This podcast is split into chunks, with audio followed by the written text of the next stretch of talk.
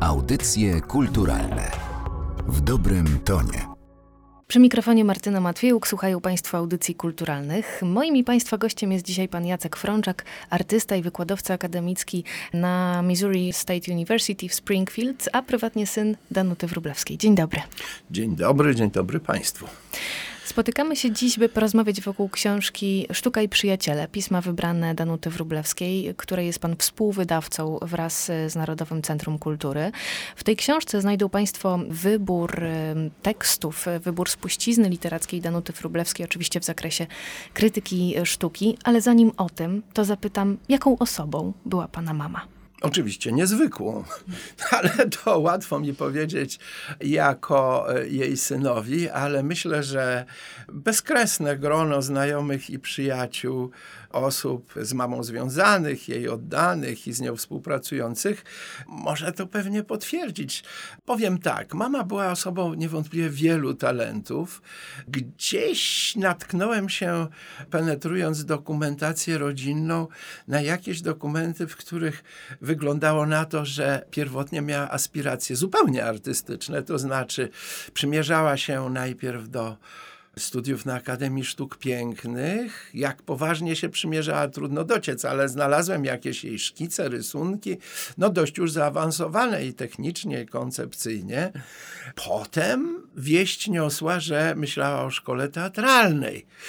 I tu muszę pani powiedzieć, że rzecz osobliwą niewątpliwie miała teatralne zacięcie w sobie i, i talent samorodny, ponieważ wernisaże, które prowadziła w czasach, kiedy już spełniała funkcję bardziej komisarza wystaw niż krytyka, to rzeczywiście te wernisaże, czy w Galerii Kordegarda, czy w studio, czy jeszcze wcześniej w Muzeum Archidiecezjalnym, właściwie były małymi spektaklami. Ona miała taki taki, taki swój showtime, powiedziałbym, gdzie e, z niesamowitą plastycznością osoby i ekspresją głosu i cieniowaniem ekspozycji tegoż głosu i frazy zdania, no po prostu robiła takie małe spektakle, co było ciekawe, bo, bo nie każdy rzeczywiście galerysta, czy kustosz, czy komisarz wystawy, otwierając ją, potrafi w sposób tak frapujący rozpocząć, rozpocząć artystyczne wydarzenie. To tak tytułem wstępu. Mama była osobą o bardzo silnej osobowości. To na pewno. Potrafiła ale też w jakimś sensie, powiedziałbym może nawet, to jest bardzo dziwne, bo wydaje się, że była do pewnego stopnia chaotyczną. Natomiast ja właśnie wczoraj przechodziłem przez pozostałe po niej archiwum, które zamierzam przekazać do Instytutu Sztuki Polskiej Akademii Nauk. I zobaczyłem, że rzeczywiście większość rzeczy była bardzo dobrze poorganizowana, wteczki poopisywana i tak dalej. To jej własną ręką. Natomiast, jakby to powiedzieć, w życiu codziennym wydawało się, że gra na bardzo wielu fortepianach naraz, potrafi to wszystko jakoś znakomicie skoordynować, a niekoniecznie działa z żelazną konsekwencją opracowanego planu. To było bardzo spontaniczne i bardzo takie jej własne. To właśnie pamiętam z wczesnego dzieciństwa, co było taką zdolnością kontrolowania bardzo wielu niekoniecznie ze sobą związanych czynności czy aktywności. Mama na przykład potrafiła rano pójść ze mną do parku. To był taki nawet nasz rytuał, do parku Łazienkowskiego wcześnie rano, tak za łapkę z małym dzieckiem, gdzie ja oczywiście na jakimś placu zabaw się bawiłem.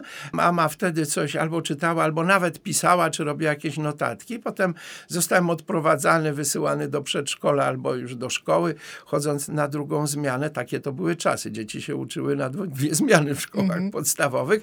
Mama wychodziła do redakcji projektu, w którym sekretarzowała redakcji tegoż, po czym wracała, potrafiła ugotować obiad, a potem polecieć na wernisaż. I to w ogóle, wie pani, tak się światy mijały, rodzicielski, domowy z, ze światem redakcyjnym i jeszcze tym wystawowym, wernisażowym.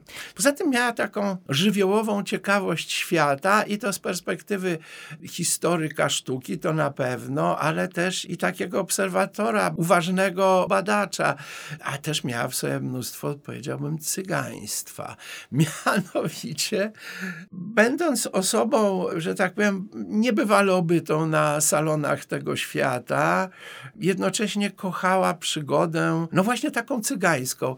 Myśmy uwielbiali kemping, natomiast no taki kwalifikowany, namiotowy lub, e, lub nawet właśnie gdzie się sypiało samochodzie, w naszym samochodzie Syrenka w latach mm. 60., ale proszę sobie wyobrazić, że w czasach, kiedy no, podróże po Europie stały się oczywistością, czyli w latach 90., mówię o możliwościach Polaków podróżowania se swobodnego i, i status materialny i wszystko pozwalało mamie spędzać swoje wakacje w taki sam sposób, jak pewnie większość Polaków to lubi, to znaczy na wyjazdach zorganizowanych, w hotelach, w kurortach, w takich miejscach, które oferują komfort i zabezpieczają wszelkie potrzeby. Otóż nie. Mama z moim ojcem wojażowali samochodem wedle ściśle przez nią opracowanej marszruty, nocując w najdziwniejszych miejscach. Na przykład penetrowali w klasztory francuskie i nocowali na ogół na placykach pod nimi, właśnie śpiąc w samochodzie, jak cyganie zupełnie. Ale to było jej takie nieskrępowane poczucie wolności. Jeździli z upodobaniem w Dolomity, przez całe lata. I właśnie w tych Dolomitach tymże samochodem wdrapywali się w jakieś nieprawdopodobne miejsca. Ja z nimi parę razy w te Dolomity już z moją rodziną pojechaliśmy w dwa samochody. To wie pani, gdzie oni wjeżdżali tym samochodem, to naprawdę pojęcie ludzkie przechodziło. A cały dowcip polegał na tym, żeby wyjechać gdzieś wysoko w takie normalnym turystom niedostępne miejsce i tam spędzić noc, napawać się niebywałością tego miejsca, no takim silny duch romantyzmu mamę charakteryzował. Tak bym to powiedział. Tak pomyślałam, kiedy pan opowiadał o tym sposobie organizowania życia prywatnego i życia artystycznego, że dziś byśmy to multitaskingiem nazwali pewnie, mhm. taką zdolność bardzo pożądaną. Mm, nawiążę jeszcze do tytułu książki Sztuka i przyjaciele wielka przyjaźń wobec sztuki, wielka przyjaźń też y, wobec artystów. Danuta Wróblewska jest bardzo ciepło wspominana. Jaką atmosferę stwarzała? Jej właściwość towarzyska była niebywała. Ja nie wiem do jakiego stopnia dziedziczę to po niej, ale staram się też, nie wiem, kochać ludzi, mieć szerokie grona przyjaciół. Natomiast mama w tym rzeczywiście osiągała jakiś poziom mistrzostwa. Co więcej, posiadała kwalifikację zupełnie niezwykłą godzenia w przyjaźni ze sobą osobowości generalnie bardzo sprzecznych sobie nawzajem. Mówię o różnych osobach. No, wie pani, funkcja sekretarza redakcji, redakcji magazynu artystycznego, no, który z założenia musi być konstruowany, budowany przez silne osobowości, silne, że tak powiem, intelektualnie, ale też siłą swoich przekonań, nie zawsze zbieżnych ze sobą. Czyli te osoby mogły między sobą popadać często w jakieś, w jakieś konflikty, czy mieć ze sobą jakieś problemy. Natomiast mama na pewno potrafiła wytwarzać taką atmosferę i wokół siebie, i w miejscu pracy, że te relacje i z nią, i między całymi zespołami jakoś dobrze funkcjonowały. Ja pamiętam właśnie, że stawała się dla wielu, wielu swoich przyjaciół no taką powiernicą, czy przyjaciółką nie tylko na płaszczyźnie zawodowej, ale też właśnie takiej osobistej, takim nawet powiedziałbym psychoterapeutą, czy psychoterapeutką, jakby się teraz mówiło, która pozwalała się ludziom wygadać, ale też i oferowała dobrą radę. I zawsze z jakimś ciepłym no nie wiem, z zawiasem intelektualnym do tego, który na pewno pomagał. Ja pamiętam jeszcze jako dziecko, a potem jako młody człowiek, po prostu niekończące się godziny rozmów telefonicznych. Swego czasu prowadziła taki program telewizyjny z Andrzejem Matynią, to było bodajże w roku 80, 79. I, I oczywiście oni tam dyskutowali se o sztuce, rzecz jasna, a potem Andrzej Matynia dzwonił i jakimiś godzinami ze sobą tam wiedli konwersacje, już niekoniecznie poświęcone sztuce, ale jakimś zupełnie prozaicznym lub nieprozaicznym życiowym sprawom. Także na pewno była osobą ciepłą, na pewno była ludziom oddaną i uważną dla każdego. I to nie ma znaczenia, czy był to wybitny artysta, czy była to pani pilnująca galerii w Kordegardzie, czy dostawca, nie wiem, jabłek na wernisaż. Zawsze miała dla ludzi dużo otwartości i ciepła i takiej właśnie, jak mówię, uwagi. To pewnie teraz wraca we wspomnieniach tych, którzy no po prostu jeszcze o niej pamiętają. Mhm. Zaskakuje też ten szeroki wachlarz obszarów sztuki, które komentowała, krytykowała Danuta Wróblewska. W książce znajdą Państwo teksty dotyczące malarstwa, grafiki, rzeźby, sztuk użytkowych również. Czy to jednak tkanina była tą jej ukochaną? Hmm.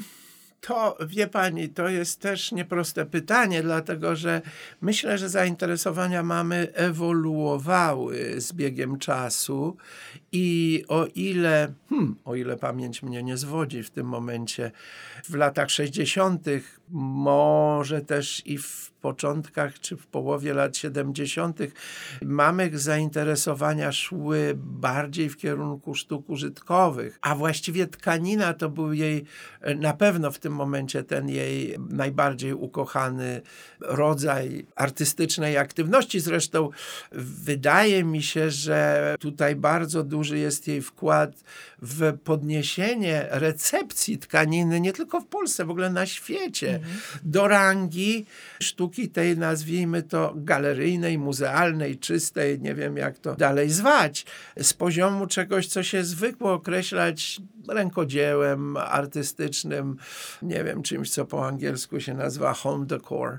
Coś takiego, no bardzo, bardzo utylitarnego. I rzeczywiście cała ta plejada wspaniałych artystów, jak Jolanta Owicka, czy profesor Sadley, czy pani Butrymowiczowa, no ale oczywiście przede wszystkim e, Magdalena Bakanowicz, której mama towarzyszyła właściwie chyba od początku jej kariery i myślę, że bardzo owocnie wsparła eksplozję jej talentu i przejście no, z pozycji właśnie takiej osoby związanej głównie z tkaniną no, do pozycji już właściwie światowego formatu artystki, łączącej tkaninę, rzeźbę, no w ogóle realizacje trójwymiarowe.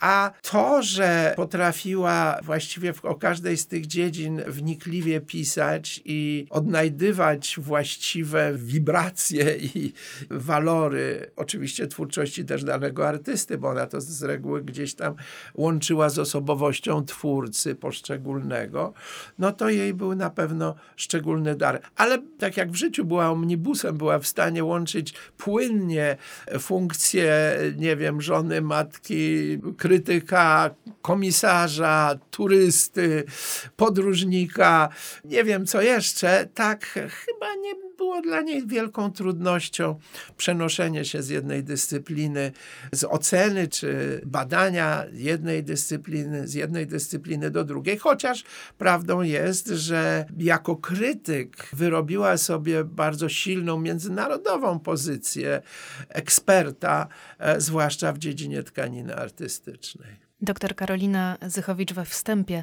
e, do wydawnictwa Sztuka i Przyjaciele określiła Danutę Wróblewską krytyczką towarzyszącą. To myślę, że też trafne określenie.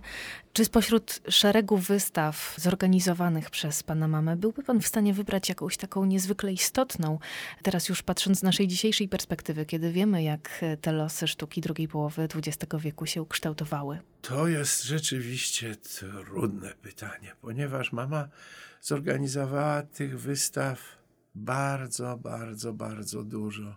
Oczywiście czas organizowania jej, nazwijmy to, autorskich wystaw, to są przede wszystkim już lata 80., 90., no aż do gdzieś chyba połowy. Ja wyjechałem w 2007 roku. Mama chwilę potem chyba skończyła swoją działalność w Centrum Sztuki Studio, gdzie też tam organizowała wystawy. Na przykład świetna wystawa Mitoraja, który nie był zbyt jeszcze wtedy popularny w Polsce, to chyba w ogóle pierwsza wystawa, którą zrobił, to była właśnie, może się mylę, ale w Warszawie też tak niesamowita wystawa Józefa Czapskiego, który no wtedy to w Kordegardzie, on, to było niesamowite, bo to było jego bardzo późne malarstwo, takie niesamowicie uproszczone, silne, skoncentrowane. Stajuda, piękna wystawa w Kordegardzie. Z kolei w studio takiego rzeźbiarza, który dość wcześnie wyemigrował z Polski, właściwie całe życie spędził w Kopenhadze. Ja go zresztą też poznałem, bardzo żeśmy się polubili. Teodor Bock on niestety zmarł też jakoś w okolicach, nie wiem, chyba 2008-2009 roku, a bardzo się zmagał z chorobą nowotworową. Ale rzeczywiście to była piękna wystawa. No naprawdę, bez liku, bez liku tych wystaw i chyba nie chodzi o pojedynczy egzemplarz czegokolwiek. To raczej chodzi o samo zjawisko obfitości, rzetelności i pewnego pomysłu na to, czym jest prezentowanie sztuki. To określenie towarzyszące jest dobre, dlatego że mama z bardzo wielką, ciepłą uwagą towarzyszyła różnym postawom artystycznym i potrafiła o nich świetnie opowiedzieć i świetnie je pokazać.